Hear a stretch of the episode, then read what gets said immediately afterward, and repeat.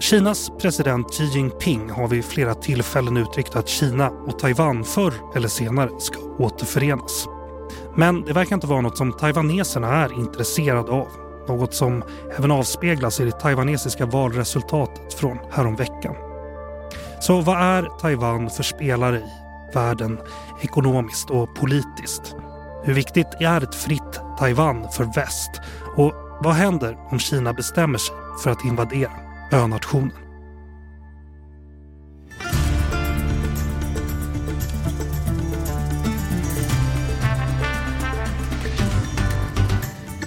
Du lyssnar på Utrikespolitiska institutets podd Utblick och jag heter Jonas Lövenberg. Frågan om Taiwans självständighet är mycket mer än en regional tvist om territorium. Det handlar om demokratins vara eller icke vara, om vem som kontrollerar högteknologisk industri som hela världen har behov av och det handlar om handelsvägar. Det är också ett spel om makt och prestige för Kinas president Xi Jinping. Och allt detta kopplat till ett land som inte kan ha en ordentlig ambassad ens i länderna som den redan handlar med. Så det är lite att reda ut och för att hjälpa mig och er att förstå Taiwan bättre har jag med mig Alexis von Sydow, analytiker vid Nationellt kunskapscenter om Kina. Välkommen Alexis! Tack så mycket Jonas, roligt att vara här. Jättekul att ha dig här. För att förstå Taiwans politiska status och relationer till Kina så måste vi nog börja med lite historia. Så till att börja med, vem var Chiang Kai-shek och vad hände 1949? Precis. Det historia är en av de här sakerna som blir väldigt viktigt när man pratar om just Taiwan. Historia brukar ju ofta vara en, ett stort tvisteämne i sådana här internationella konflikter och det här är verkligen inget undantag. Så att eh, när det gäller Taiwan och Kinas relation till Taiwan så började ju alltihopa kan man säga 1949. Då den dåvarande nationalistiska regimen i Kina, det som då hette Republiken Kina, efter ett långt och blodigt inbördeskrig med kommunisterna fick dra sig tillbaka till Taiwan. Så det, detta skedde 1949. Och Chiang Kai-shek, som du nämnde då, var ju Kinas ledare fram tills dess och fortsatte att vara Kinas ledare på Taiwan då. Eller hävdade sig fortfarande vara ledare över hela Kina, men var det ju i praktiken bara över Taiwan.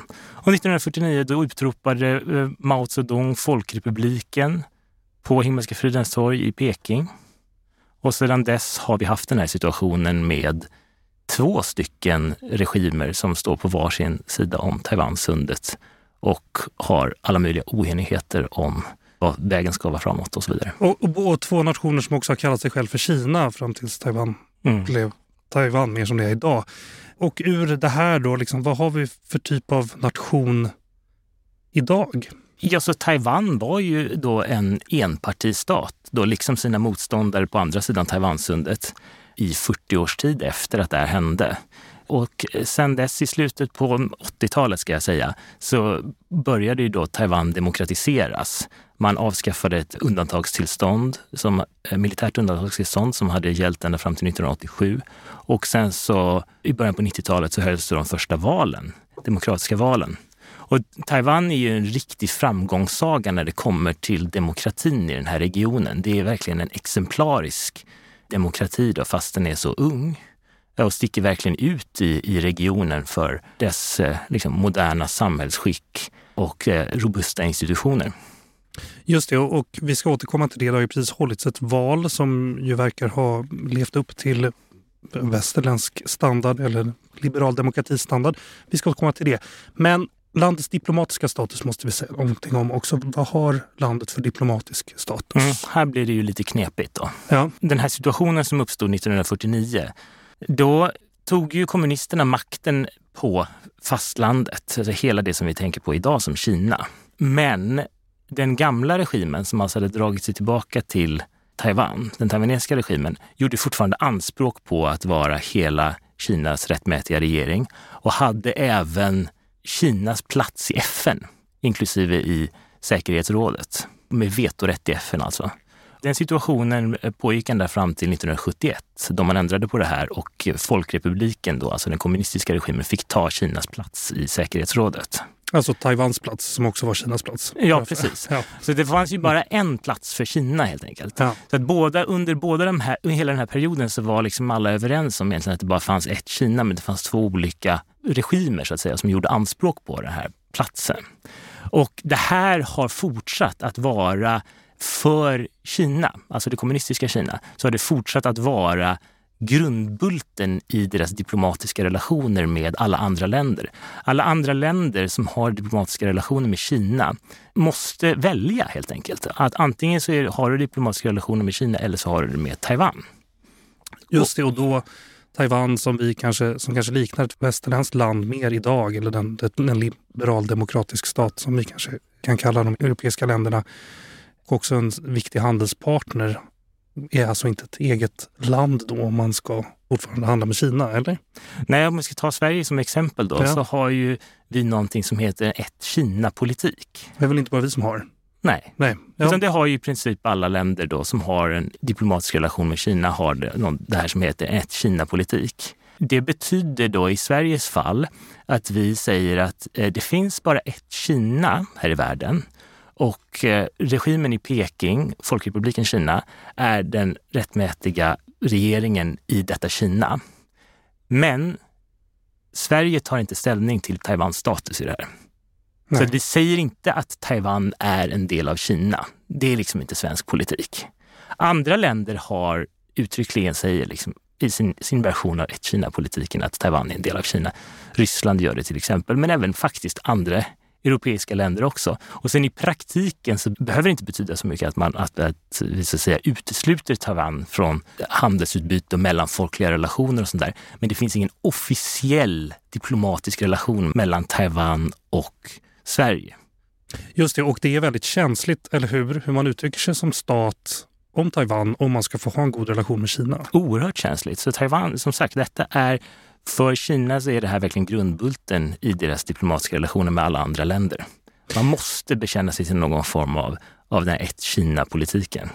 En annan fråga om ett-Kina-politiken då bara för att illustrera att det kanske gäller mer än Taiwan. Ta Tibet till exempel, är det samma sak som gäller där eller hur förhåller man sig till det?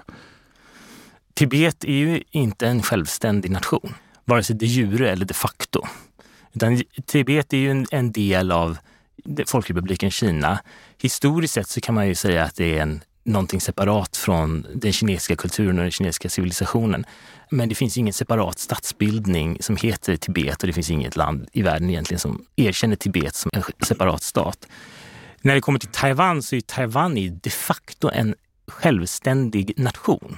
Det är väldigt viktigt att komma ihåg att Taiwan har liksom allting som krävs för att vara en självständig nation. De har ett territorium som de har full kontroll över, även om Kina gör anspråk på det. Och de har en, en stat och de har en president och de har regelbundna val och så vidare och så vidare. De upplever sig som en nation också, det är väl en viktig del? Ja, i praktiken är det också. Men på grund av den här konflikten då med, om det här territoriet så blir det omöjligt för länder som vill ha en god Kina-relation att då erkänna Taiwan som, formellt som en stat. Det finns några länder som fortfarande gör det. En liten, ständigt krympande skara. Idag är de elva nationer som alltså har formella relationer med republiken Kina på Taiwan och som inte har några diplomatiska relationer med Folkrepubliken Kina. Och det, de, alltså det här är inte stora länder, utan stormaktsligan i den här gruppen det är Guatemala och eh, Paraguay. Bortsett från det historiska då, för det finns väl en prestigefråga här också antar jag, men varför är Taiwan viktigt för Kina idag? Varför att det är ju en, en väldigt levande fråga i Kina får man väl säga. Oh ja, alltså det man kallar i Kina nationens enande, det vill säga ett framtida införlivande av Taiwan i Folkrepubliken. Det är ju ett av Kinas absolut viktigaste mål. Alltså målen för den kommunistiska regimen i Kina. Och varför det är så här, det har ju blivit liksom så här efter, efter 70 års tid så har det blivit någonting som man absolut inte kan backa för. Och det har ju mer principiella skäl än praktiska skulle jag vilja påstå. Det, är liksom, det, det bygger på en syn att det här är ju en rest av det här inbördeskriget då, som då avslutade stridigheterna 1949. Men där då den här provinsen fortfarande blir oinförlivad.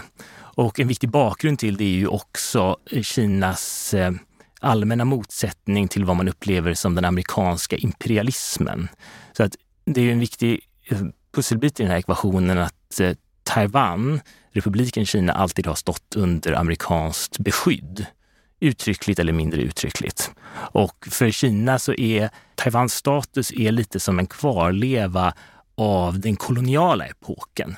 Mm. Nu redogör jag för Kinas perspektiv. Ja. Där Kina så att säga var, stod under dominans från alla möjliga illasinnade fientliga makter som slet sönder territoriet och, och utnyttjade Kina på olika sätt. Detta är den kinesiska bilden. Så att den sista pusselbiten som man behöver för att verkligen resa sig från denna historiska nesa, det är att Taiwan då återbördas till moderlandet.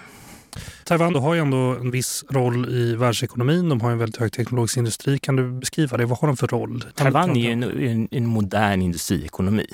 Mm. Så det är ett, ett, land som har utvecklats eh, med extremt snabbt under de senaste årtiondena och den utvecklingen började ju redan på 60-70-talet. Så Taiwan har gjort en stor omställning och dess utvecklingsbana liknar mycket till exempel Sydkoreas som också var ett väldigt fattigt land för ett par generationer sedan men som idag är liksom ett, ett, ett rikt industriland. Och när det kommer till eh, Taiwans ekonomiska roll så är det allra viktigaste med Taiwans plats, plats i världsekonomin att de är världsledande på halvledare, det vi i vanligt tal kallar för chip.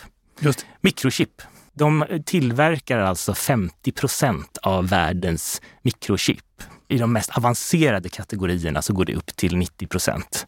Så att Taiwan är världsledande inom, inom mikrochipindustrin och detta är ju en absolut central komponent i ja, alla möjliga industriella tillämpningar idag. Så fort du har en dator som räknar på någonting så behöver man ju chip.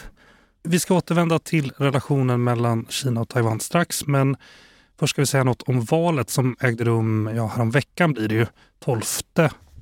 13 var det. 13 mm. var det, 13 januari. Vem vann och vad betyder den vinsten för Taiwan? Politiken på Taiwan har ju då ända sedan demokratiseringen präglats väldigt mycket av den här skiljelinjen mellan hur man ska se på Kina. Så under hela den demokratiska epoken i Taiwan så har det egentligen funnits två läger det lite mera Kinavänliga lägret och det mera Kinafientliga lägret eller det mer självständighetsivrande lägret kan man säga. Och när det kommer till självständighet så ska jag kanske inom parentes säga att det där har ju varit tidvis lite en huvudfråga huruvida Taiwan borde gå och Eh, utropa självständighet. Det vill säga formellt gå ut och säga att vi är minsann ett land som inte hör till Kina. Har man inte gjort det alltså nu? Finns det inte ett sånt utropande? Eller? Nej, det finns inte ett sånt. Nej. Och Kina har ju, till och med, de har ju till och med infört en lag som säger då att det finns en antisecessionslag i Kina som helt enkelt säger att steg som definitivt vill skilja ut Taiwan ifrån Kina kommer att liksom bemötas med alla tillbudstående medel. Så det är ett hot om att ta till våld om man gör något sånt här. Och därför har ju Taiwan inte gjort det. Men vi går tillbaka till frågan om vem som vann valet. Så de som vann valet den här gången det är ett parti som heter DPP, Democratic Progressive Party. Och det här är ju ett, ett ganska gammalt parti då, som har funnits ända sedan demokratiseringen. Och det här blir deras tredje mandatperiod med en, en president från det här partiet. Och det är ett parti som Kina ser som separatister och de senaste åtta åren har ju relationen mellan Kina och Taiwan varit ganska frostig på grund av att det här partiet har haft makten. Och nu blev det alltså en tredje mandatperiod med det här partiet. Och på andra sidan då så finns ju de lite mera Kinavänliga partierna. Och där är det också viktigt att poängtera att det här är inte partier som så att säga har Kinas syn på Taiwan. Det är inte partier som plötsligt vill skriva på en uppgörelse med Kina om att det återförenas imorgon med Kina. Utan det är partier som har en syn som mer går ut på att försöka förhålla sig lite pragmatiskt och söka samförstånd över sundet och därmed hålla spänningarna på en lite lägre nivå. Och de representeras ju främst av det gamla maktpartiet Kuomintang, som ju kanske är ett namn som man har hört om man är intresserad av kinesisk historia. Det är alltså det gamla nationalistpartiet som styrde hela Kina som en enpartistat, alltså fram till revolutionen 1949. Då. Alltså det partiet som flydde från Kina då mm, till mm. Taiwan. Och de finns ju kvar idag, men verkar då helt som ett demokratiskt parti. Och det, det var deras kandidat som var så huvudmotståndet i även den här, det här valet. Och i det här valet så fanns det även en tredje kandidat som ansågs lite mer Kina-vänlig, men ändå står mitt emellan de två andra partierna kan man säga. Men och vad är det för frågor man bryr sig om då i valet? Är det någonting mer än relationen till Kina? När det kommer just till relationen till Kina så, så kan man väl säga att, som jag sa, tidigare så har det funnits liksom en önskan från vissa partier då om att man ska göra formella förklaringar om självständighet och sådär. Och eh, det där har vi ju inte sett så mycket av i år, utan den här gången var det faktiskt ganska pragmatiska förslag på bordet när det kom just till Kina-politiken. Mm. Och jag tror att det påverkade faktiskt valutgången lite grann därför att det här blev liksom inte den fråga som delade upp befolkningen helt och hållet.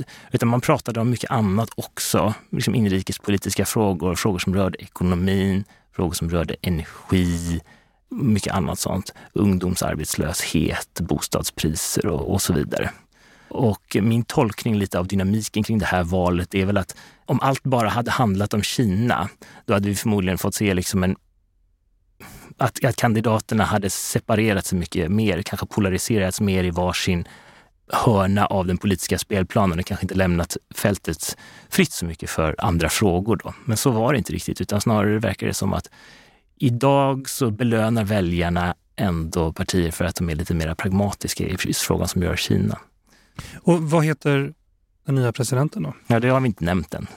Han heter Lai Ching-te. William Lai.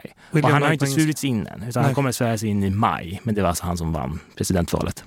Och han var ju vicepresident under den förra presidenten Tsai Ing-wen. Och jämfört med sin företrädare, då, sin kvinnliga företrädare Tsai Ing-wen, så är han ju inte lika populär. Utan han fick ju ungefär 40 procent av rösterna och det är mycket mindre än vad då företrädaren som vann två val i rad, rena, rena jordskredssegrar, över 50 procent, närmare 60 procent. Han har ju benämnts som en separatist, du nämnde det, från kinesiskt håll, från fastlandskinas håll. Vad spelar det för roll för relationen att DPP och William Lai vann? Då? Kan vi säga något mer om det? Ja, vi har ju haft den här situationen nu i åtta års tid där Kina och eh, Kinas och Taiwans regeringar överhuvudtaget inte pratar med varandra. Mm. Mm. Så den kommer vi ju få se mer av helt enkelt. Och det är ju ganska tuffa spänningar liksom mellan eh, de här två sidorna. Kina kräver ju egentligen av Taiwan att man på ett eller annat sätt rör sig mot en utveckling som innebär att, att Taiwan i framtiden kan förenas med Kina. Och vi har ju ett styre nu som absolut inte vill det, som representerar den del av Taiwan som vill föra landet i en helt annan riktning. Så att eh, DPP och William Lai, de jobbar ju på att Taiwan inte ska vara så beroende av Kina, utan vill ju föra landet bort ifrån Kina på alla möjliga plan. Ja, men Taiwan är till exempel väldigt beroende av sin export till Kina ungefär 35 procent av Taiwans export som går till Kina. En väldigt stort, stor marknad på nära håll, så det är inte så konstigt. Den där eh, siffran har ju gått ner på senare år. Man försöker liksom diversifiera sina marknader och man betonar väldigt mycket vikten av en stark relation till USA och ett, att bygga upp ett väldigt starkt försvar också som skulle då kunna på ett trovärdigt sätt avskräcka Kina om de skulle vilja göra någonting militärt. Det är inte liksom bara en teoretisk fråga, för Kina håller ju på med väldigt mycket militära aktioner runt Taiwan. Och det är också någonting som har pågått mycket under de senaste åren, ökat väldigt kraftigt de senaste två, tre åren specifikt och som ju är en reaktion på den regeringens inriktning som finns på Taiwan. Precis, man bygger väl upp eh, sin flotta väldigt mycket och man eh, bygger väl ut sin armé, Kina? Kina genomgår en extremt snabb militär modernisering, ska man väl säga. Ja. Så att Kina, Kinas militär blir starkare för varje år och väldigt stor del av, eh, man kan säga de som tittar på Kinas militära modernisering drar ju slutsatsen att huvudkampanjen som man förbereder sig för är ju ett Taiwan-scenario.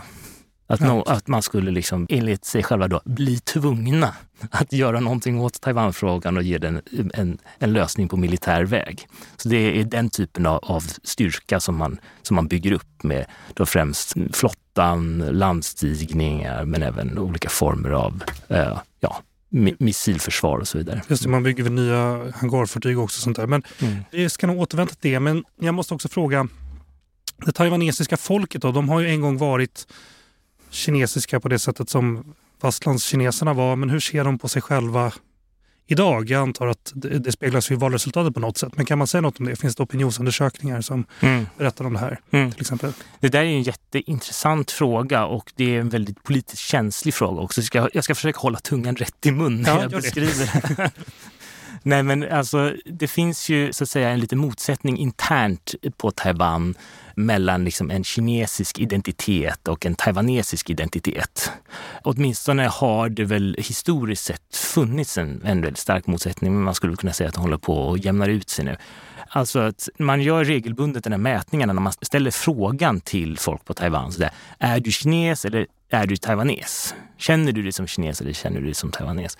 Och för ungefär en generation sedan, vid tidpunkten för demokratiseringen, då var det en majoritet av befolkningen som sa, när de svarade på en sån fråga, då, att antingen var kines eller taiwanes och kines. Något av dem var i majoritet.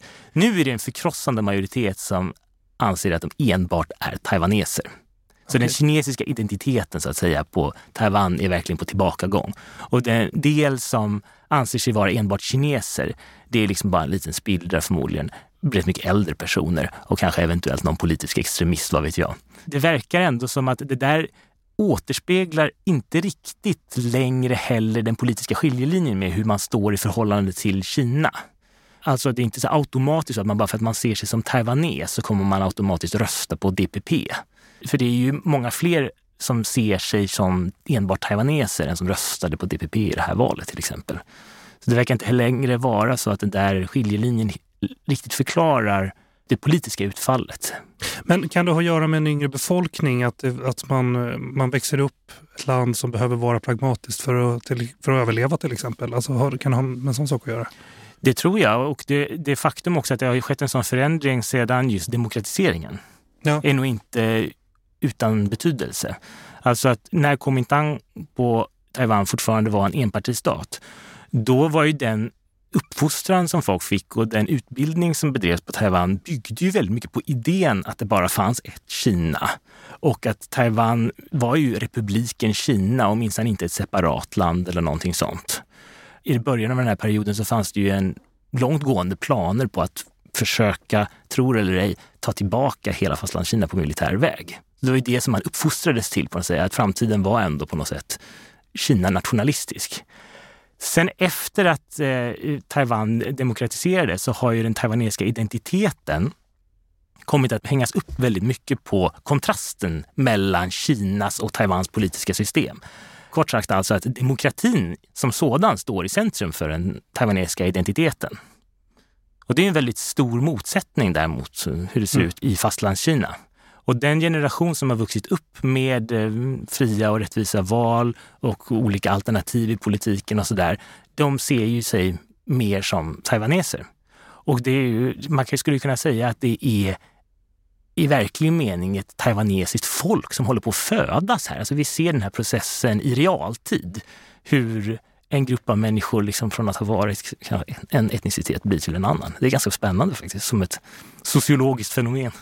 Jag, jag måste också bara fråga, vi, vi kan vi konstatera att det är man pratar om free and fair election, ett fritt och rättvist val. Hur det går till i Taiwan? Ja, ja jag skulle säga det. Ja. Alltså det här är ju ett val som jag tror man kan säga är verkligen i toppklass när det kommer till transparens. Ja. Och det har ju vissa eh, fördelar kan man säga som gör det väldigt transparent. Som har att göra med hur valsystemet är utformat. Och det inkluderar saker som vi kanske om det var så i Sverige eller andra europeiska länder skulle man kanske uppfatta det som lite problematiskt, men det har sina förklaringar. Till exempel så finns det ingen, ingen poströstning Nej. i Taiwan. Det finns ingen förhandsröstning. Och det finns inga elektronisk röstning överhuvudtaget. Så det man måste göra för att rösta i Taiwan, det är att du måste åka till den fysiska plats där du är folkbokförd. Och det är inte så lätt att ändra på sin folkbokföring heller i Taiwan, utan det är liksom mer eller mindre där du kommer ifrån. Och sen så får du rösta enbart på valdagen på plats. Och så går rösträkningen till så att de inför publik läser upp vad det står på varenda valsedel. Nu för tiden tror jag till och med de filmar det också så att man kan se och så ropar upp vad den rösten var för någonting på. Vad spännande. Och, ja, och så får du valresultatet i princip samma dag. Så det är ett under av transparens. Men det är ju som sagt, det är lite bökigt för taiwaneserna att rösta. Det låter inte så tillgängligt. Nej, så. det är inte så Nej. tillgängligt kanske skulle man säga. Och jag menar, till exempel i USA finns det ju en debatt om att, till exempel att man ska ha krav på ID. Det är liksom, det är, det är liksom en debatt. Jag menar, då har vi, vi är ganska långt in på det andra territoriet så att säga i, Taiwan. Men det, har, det är ju för att man inte vill att Kina ska påverka det här valet. Till exempel tänk dig poströster ifrån fastlandskina. Ja, det nej, finns- det hade blivit lurigt kanske. det hade möjligen kunnat bli lite lurigt. Så därför har man valt istället att göra det lite krångligare för folk att rösta. Valdeltagandet är ändå ganska högt. Alltså. Eh, Nu var det väl lite lägre än vad det varit de två senaste valen, men det är ändå över 70 procent. Så det är bra. Ja, det är ju ganska högt. Ja, det är bra. Ja. Vi ska återvända till eh, Kinas ambitioner och återta den här önationen.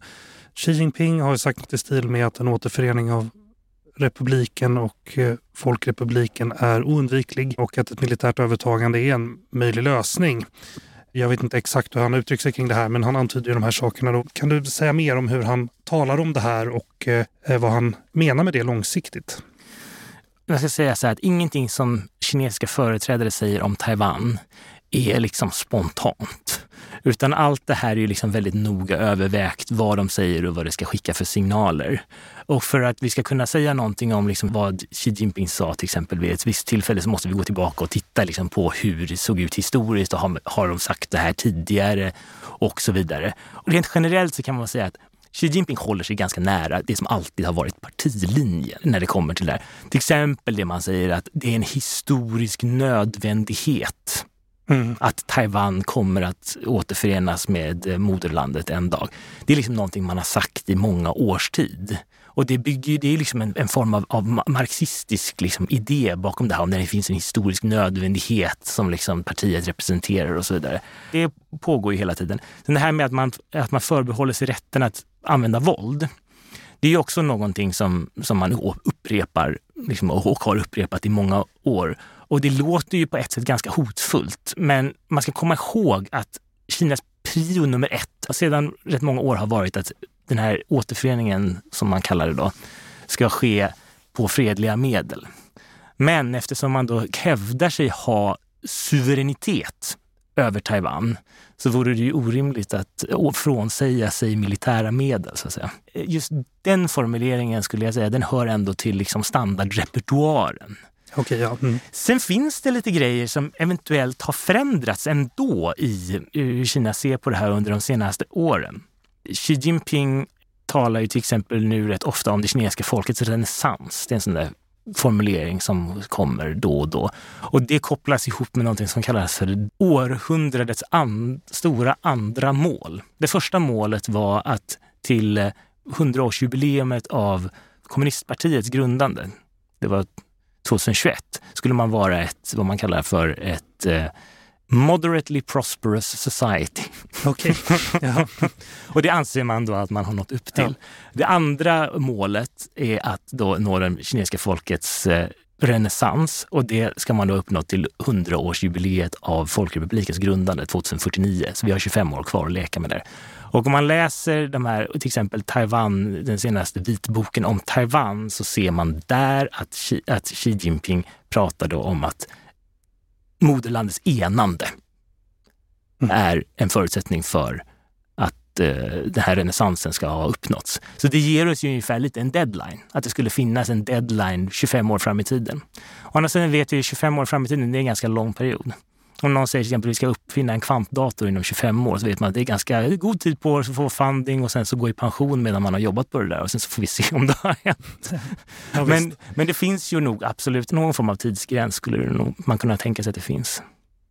Ehm, vad, skulle hända då med Taiwan om Kina skulle återta eller annektera eller hur vi nu ska se på det?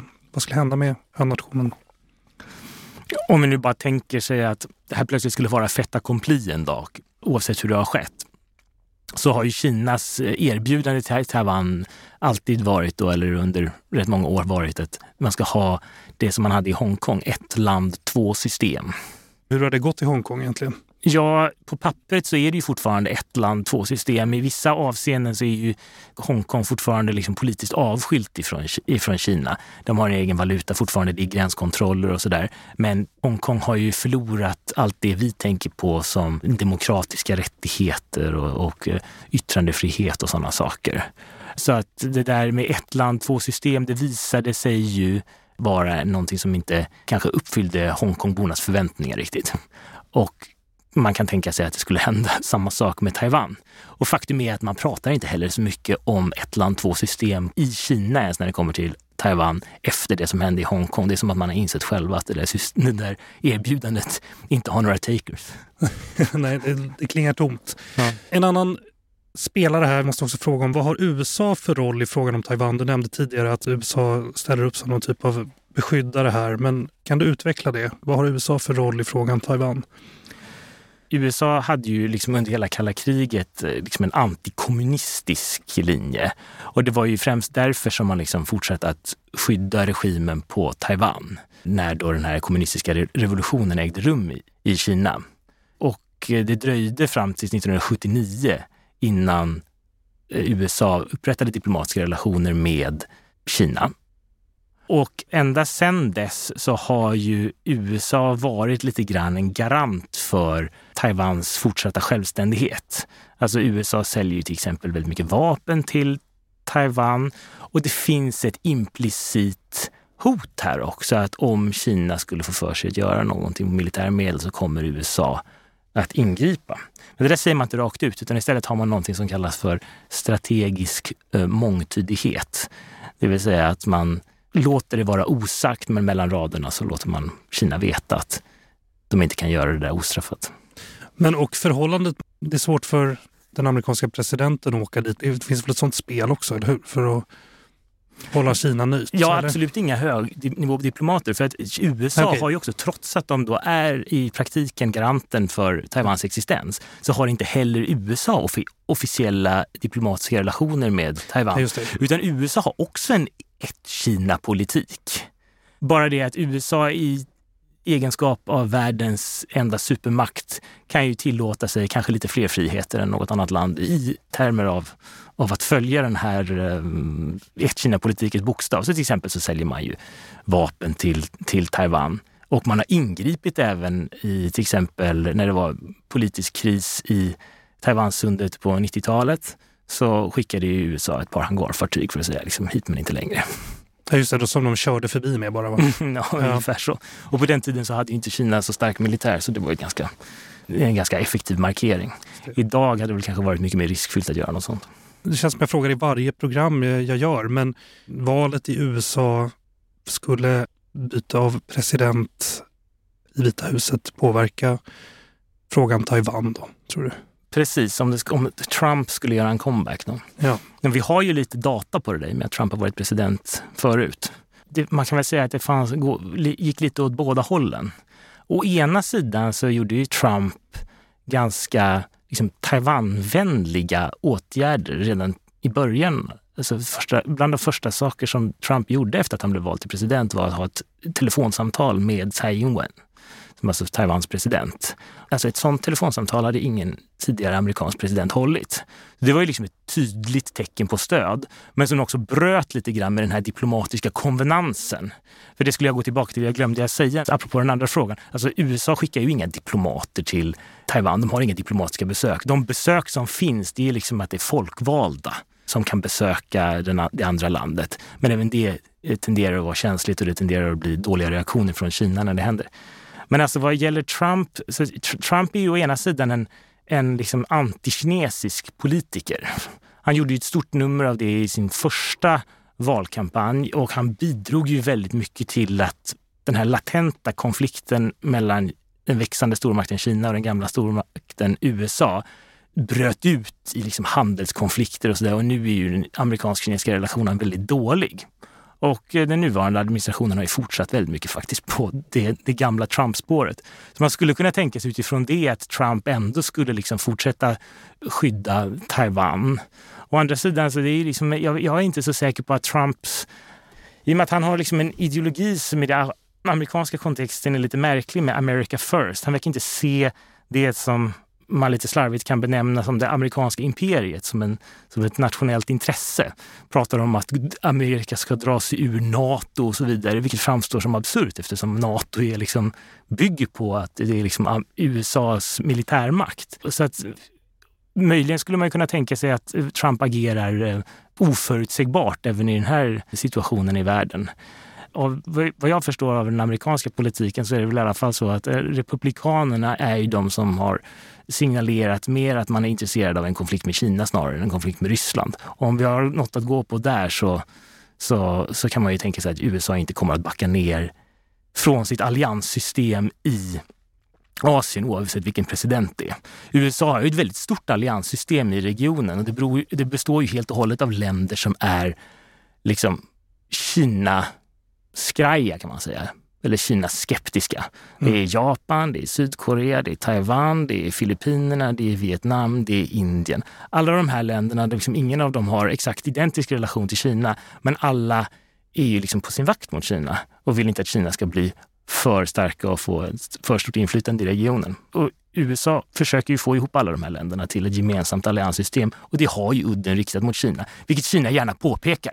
Att USA med sina aktioner i regionen försöker inringa och dämma upp landet. Ja, precis, det, är, det, är amerikanska imperiet helt enkelt. Ja, men det är så ja. de verkar. Det, är, liksom, det finns en logik bakom det. Ja. Mm. USA då har ju fått dela sin uppmärksamhet. Alltså dels så det som sker mellan Israel och Gaza, eller på Gaza, mellan Hamas och Israel ska jag väl säga.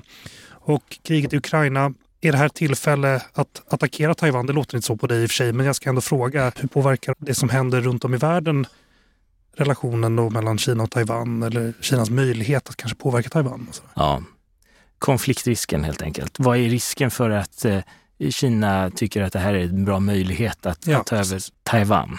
Alltså jag tror att det finns ett par faktorer som är liksom allt överskuggande när det kommer till huruvida Kina känner att det är en bra idé att, att starta en konflikt kring Taiwan.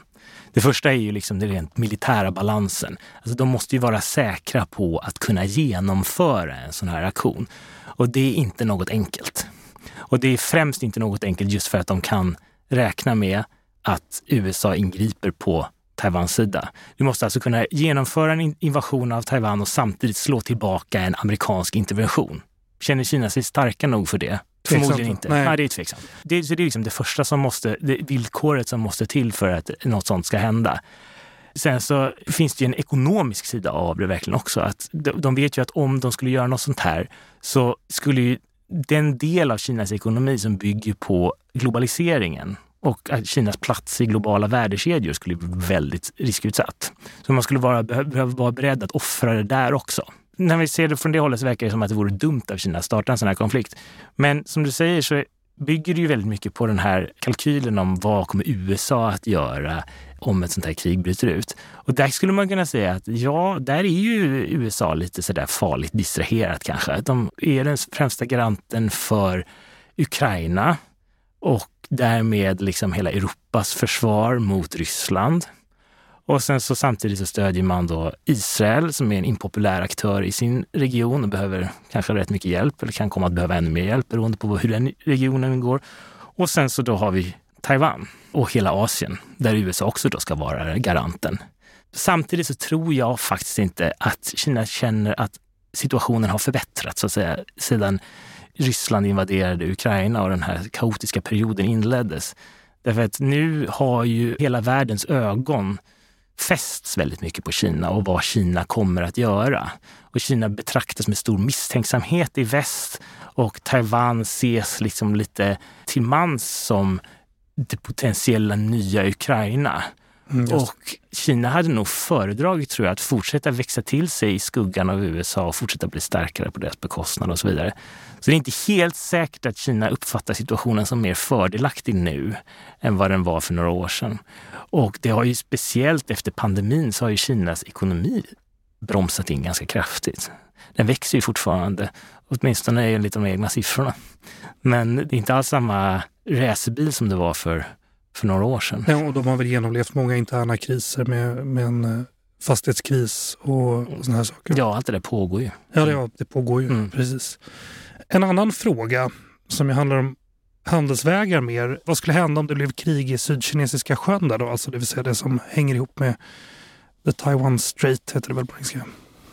Ja, Taiwansundet är ju själva liksom, havet som ligger mellan Kina och Taiwan ja. och det är inte mer än 180 kilometer brett ungefär. Så Nej. det är ganska smalt. 180 kilometer i avståndet mellan Stockholm och Linköping. Sen så om det skulle bli någon form av konflikt om Taiwan, då skulle ju handeln i hela den här regionen påverkas. Och där kommer det här med Sydkinesiska sjön in. Alltså Sydkinesiska sjön är ju ett område som där ungefär 70 procent av all världshandel går igen. Ja. Vi har ju sett hur, vad som händer när färdvägarna genom Röda havet blir lite osäkra just nu och vilka ökade kostnader det leder till för den eh, internationella handeln. Jag menar, det är ju en smekning jämfört med hur det skulle vara om man inte kunde färdas genom Sydkinesiska sjön. Och det bortsett då från att i händelse av en konflikt så skulle ju liksom handeln mellan Taiwan och övriga världen raderas ut och förmodligen då också även handeln mellan Kina och västländerna som säkerligen skulle tillgripa ekonomisk krigföring som svar på en sådan aktion. Och det här vill man nästan inte tänka på, hur destruktivt det vore för världsekonomin. Alltså det är den ekonomiska motsvarigheten till ett kärnvapenkrig. Med att alla de här, de här handelsvolymerna försvinner. En ny siffra räknar med ungefär 10 biljoner dollar i kostnad. Och det är ungefär 10 procent av hela världsekonomin. Det är dubbelt så mycket som vad hela pandemin har kostat. Det finns ju en del sjöfartsvägar som är otroligt eh, viktiga. Och det är väl ändå så också att, att Kina, eh, det här med att de bygger flotta, de bygger de här konstgjorda små öarna och så vidare. De, de har väl ett intresse av att ha kontroll i det här området, eller hur? Ja, Sydkinesiska sjön ja. ja. Sydkinesiska sjön gör, Kina gör ju anspråk på hela Sydkinesiska sjön, ja. lustigt nog. Om man tittar på en karta, vilket ju lyssnaren kan göra för sig själv, så, så ser man ju att eh, det är ju bara en del av Kina som man kanske liksom enligt ett normalt begrepp om territorialvatten skulle tycka ligger liksom inom Kinas zon. Men Kina gör ju anspråk på hela det här området som sitt eget suveräna territorium. Och man agerar därefter. Ja. Och bygger de här öarna som, som du säger. Och man har ju allvarliga konflikter med sina grannländer om de här områdena. Speciellt nu så är det ju väldigt stora motsättningar mellan Kina och Filippinerna i det här avseendet. Men att Kina reagerar så här, det har ju, det har ju från Kinas håll sin logik. Alltså om man tittar på geografin här så är ju Kina, som jag sa alldeles nyss, omringade av länder som inte är vänligt inställda till dem. Och eh, just de här sjövägarna in och ut från Kina är ju dominerade av alla de här länderna och Kina kommer inte ut Nej. utan att behöva passera igenom så att säga ovänligt sinnade länder. Och då är det minsta man kan göra då från en kinesisk strategisk horisont, är att försöka utöva så mycket makt som man kan innanför den här ökedjan. Och detta är också en viktig faktor bakom Taiwan, även om jag skulle säga att det inte förklarar riktigt varför Kina vill ha tillbaka Taiwan eller har erövrat Taiwan så mycket. Men om man skulle införliva Taiwan i Kina, då skulle man ha brutit igenom hela den här ökedjan och så skulle man liksom fritt kunna segla ut på världshaven och mm. projicera militär makt på helt andra avstånd än vad som är fallet just nu. Ja, just för Kina är ändå ett, en landbunden gigant på något vis med mm. de här, den här inringningen och det spelar ju stor Precis. roll. Precis. Kommer väl få återkomma till Sydkinesiska sjön i något avsnitt hoppas jag och även alla, alla andra viktiga handelsvägar. Men om vi ska titta lite framåt då. Finns det någon förutsättning för Taiwan att komma för en annan diplomatisk status? Då? Hur ser förutsättningarna för det ut? Du menar med till exempel ett eh, mer officiellt erkännande från andra ja, länder? Till exempel. Ja. Det där är väl, jag skulle säga att utsikterna liksom på kort och medellång sikt är väldigt dåliga och jag vet inte hur bra de någonsin kommer att bli faktiskt. Så länge som Kina fortsätter att göra anspråk på Taiwan på det här sättet så befinner vi oss i den här rävsaxen. Och Taiwan är ju liksom idag också plågsamt medvetna om det här. Samtidigt så finns det ju liksom en rörelse, kan man väl säga, i de västerländska demokratierna där Taiwan har börjat få mer och mer uppmärksamhet på senare år. Jag skulle säga att det har ökat väldigt mycket mer faktiskt sedan Rysslands invasion av Ukraina. Mm. Då har, vi, har man ju fått uppmärksamhet på den här lilla önationens belägenhet och sett parallellerna och så vidare. Och det finns ju exempel till exempel på inom det svenska politiska systemet att eh, vissa partier har ju ta, intagit en tydlig Taiwanvänlig hållning. I Sverige är det tre partier som sticker ut. Vi har Miljöpartiet, Liberalerna och Sverigedemokraterna. De tycks inte ha så mycket gemensamt annars. Men detta mm. är alltså Taiwans goda vänner. Okay. Detta, är, detta är partier som har valt att ha en, liksom en Taiwan-vänlig hållning.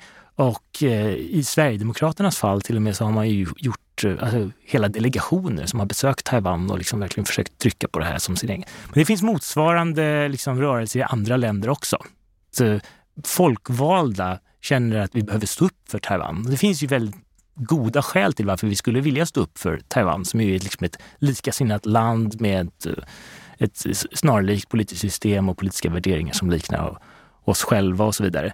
Men jag tror ändå att eh, när det kommer till det här att få mer politiskt erkännande så är det faktiskt ett vågspel ändå. Man mm. riskerar att provocera Kina och eh, jag tror att det bästa vi kan hoppas på faktiskt i den här situationen är fortsatt status quo. Det finns ju en risk för allvarligare konflikt här. Prio ett ska vara på att vi inte gör någonting som kan utlösa en sån konflikt. Och även om status quo inte är perfekt så är det i alla fall eh, mycket bättre än krig. Är det inte så också att utöver då en del delegationer då tydligen, men att vi har något typ av handelskontor här i Sverige. Eller så finns det inte sådana här inrättningar då som ändå är med, som man flaggar Taiwan, eller? Mm, ja, det, vi har ju inte någon ambassad. Nej, precis. Men, men istället, så har vi ett representationskontor. Och representationskontoret i, i Taiwan, svenska, jag tror att det bara är en person som är där nu. Så det är ju någonting som man skulle kunna kolla på, kanske att utöka lite grann. Under den förra regeringen så klubbade man igenom ett riksdagsbeslut om att man skulle ha någonting som heter House of Sweden i Taiwan. Och det här var någonting som den dåvarande oppositionen drev på för ganska mycket. Generellt sett så har högerpartierna i Sverige sett sig som mer Taiwanvänliga. Men nu när den, det har blivit ett regeringsskifte så har man inte hört så mycket om den där frågan. Så det verkar som att det står och stampar. Jag vet inte om det kanske är så att den här regeringen ändå är lite rädd för att provocera Kina med en sån grej. Det är lättare att driva opposition kanske? Ja, det är lätt att driva, driva opposition. Ja. Mm. Vad kan världssamfundet då göra för att se till att Taiwan kan fortsätta att existera, åtminstone i sin nuvarande form? Precis, status quo som vi ändå vill upprätthålla. Ja. ja vad kan vi göra? För där finns det nog rätt mycket vi kan göra ändå. Alltså, som jag sa, det som Kina behöver veta är ju att de inte, ska, att de inte klarar av att genomföra en invasion och att om de gör det så kommer det medföra horribla ekonomiska konsekvenser för dem. Så att världssamfundet måste jobba med avskräckning där. Det är både militär avskräckning och det är även ekonomisk avskräckning. När det kommer till militär avskräckning så är väl det, får man väl ändå säga, regionens länder och speciellt USA som främst måste jobba med det. Jag menar, Europa har, för att eh, vara lite folklig, häcken full med, med Ryssland och, och, och andra eh, frågor i vår egen region. Så den militära sidan kommer vi nog försöka förlita oss på, på USA och de andra länderna i regionen. Men när det kommer till ekonomisk avskräckning tror jag det finns mycket vi kan göra. Alltså att vi måste signalera till Kina på ett eller annat sätt att konsekvensen om man skulle ge sig på Taiwan, det kommer bli totala ekonomiska sanktioner. På samma sätt eller värre som västvärlden reagerade på Rysslands invasion av Ukraina. Men finns det inte ett problem här? Vi är i större behov av att ha handelsvägarna öppna till Kina än till Ryssland? Eller? Absolut. Absolut. Det här kommer bli mycket, mycket, mycket mer kostsamt än att sanktionera Ryssland. Alltså Kina är en ekonomi som är tio gånger större än vad Rysslands är. Det är verkligen ingen walk in the park. Detta kommer att bli oerhört kostsamt om det skulle, något sånt skulle hända. Alltså vi kan, vi kan enkelt se oss hur det skulle kunna utlösa finanskriser och eh, kollapsande ekonomier över hela brädet. Men när det kommer till avskräckning så kan man räkna på det och komma fram till att Kina förmodligen skulle drabbas ännu hårdare. Och det gäller om västvärlden går samman. Det vill säga om USA och de europeiska ekonomierna har en gemensam linje och signalerar att vi står på samma sida i det här och vi kommer att införa XYZ. Det behöver man inte säga kanske rakt ut, men man kan säga det på ett diplomatiskt sätt som gör att Kina förstår det på samma sätt. Då kommer det här att hända. USA och eh, Europa har ändå tillsammans en ekonomi som är mycket större än Kinas. Och det innebär att Kina kommer drabbas hårdare. Kina är mer beroende av världen, av vad de är än vad vi är av dem. Med det sagt så är det här ett horribelt scenario som vi absolut inte vill ska ske. Men man måste ändå jobba med avskräckning. Kina får inte tro liksom att de kan komma undan med att göra en sån här grej. Till exempel då att ja, men om eh, de går in i Taiwan så kommer en del av länderna fega ur och till exempel skulle de kunna få EU på sin sida eller något sånt där. Det vore kanske ganska farligt. Men det finns ju andra saker också. Vi, kan, vi ska inte bara jobba med avskräckning utan alltså, vi bör ju intyga för Kina också och säga till dem att Europa och USA verkar inte för att förändra status quo. För det är ju det som Kina är oroliga för. Kina ser ju speciellt det amerikanska agerandet som att USA försöker använda Taiwan som ett kort i liksom sin cyniska maktkamp och för att inringa Kina och pusha Taiwan att provocera Kina och säga tvinga, tvinga fram en konflikt här. Det låter kanske bisarrt från vår synvinkel, men Kina är fullt övertygad om att USA skulle kunna provocera fram en konflikt här. Så att jag tror att det är viktigt att vi i väst jobbar med att försöka intyga för Kina att vi inte vill förändra status quo och vara tydliga med Taiwan också att vi inte vill att de ska ändra status quo.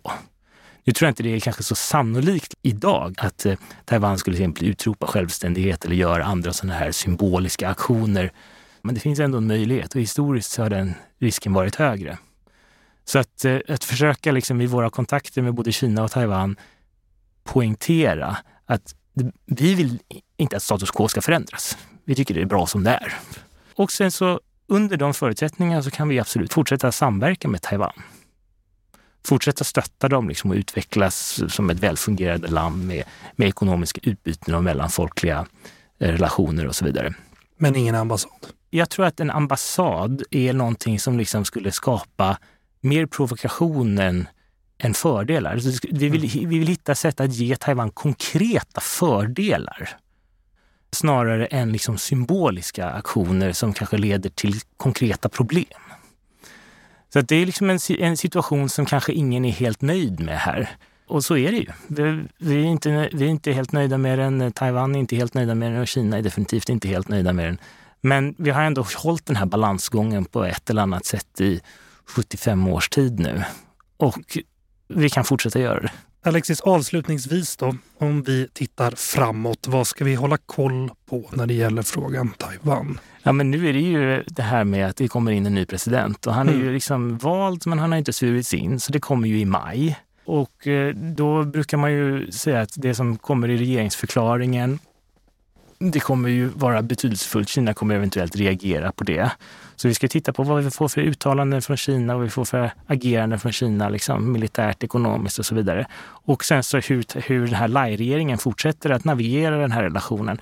Nu kan man nog tänka sig att det fortsätter ungefär som det har gjort liksom under de senaste åtta åren. Men det finns alltid liksom en risk för att någon kris skulle kunna utbryta. Och sen så Kina-USA-relationen också. För att det har ni märkt under hela det här samtalet som vi har haft att Kina och USA är ju liksom lite i bakgrunden av Kina-Taiwan.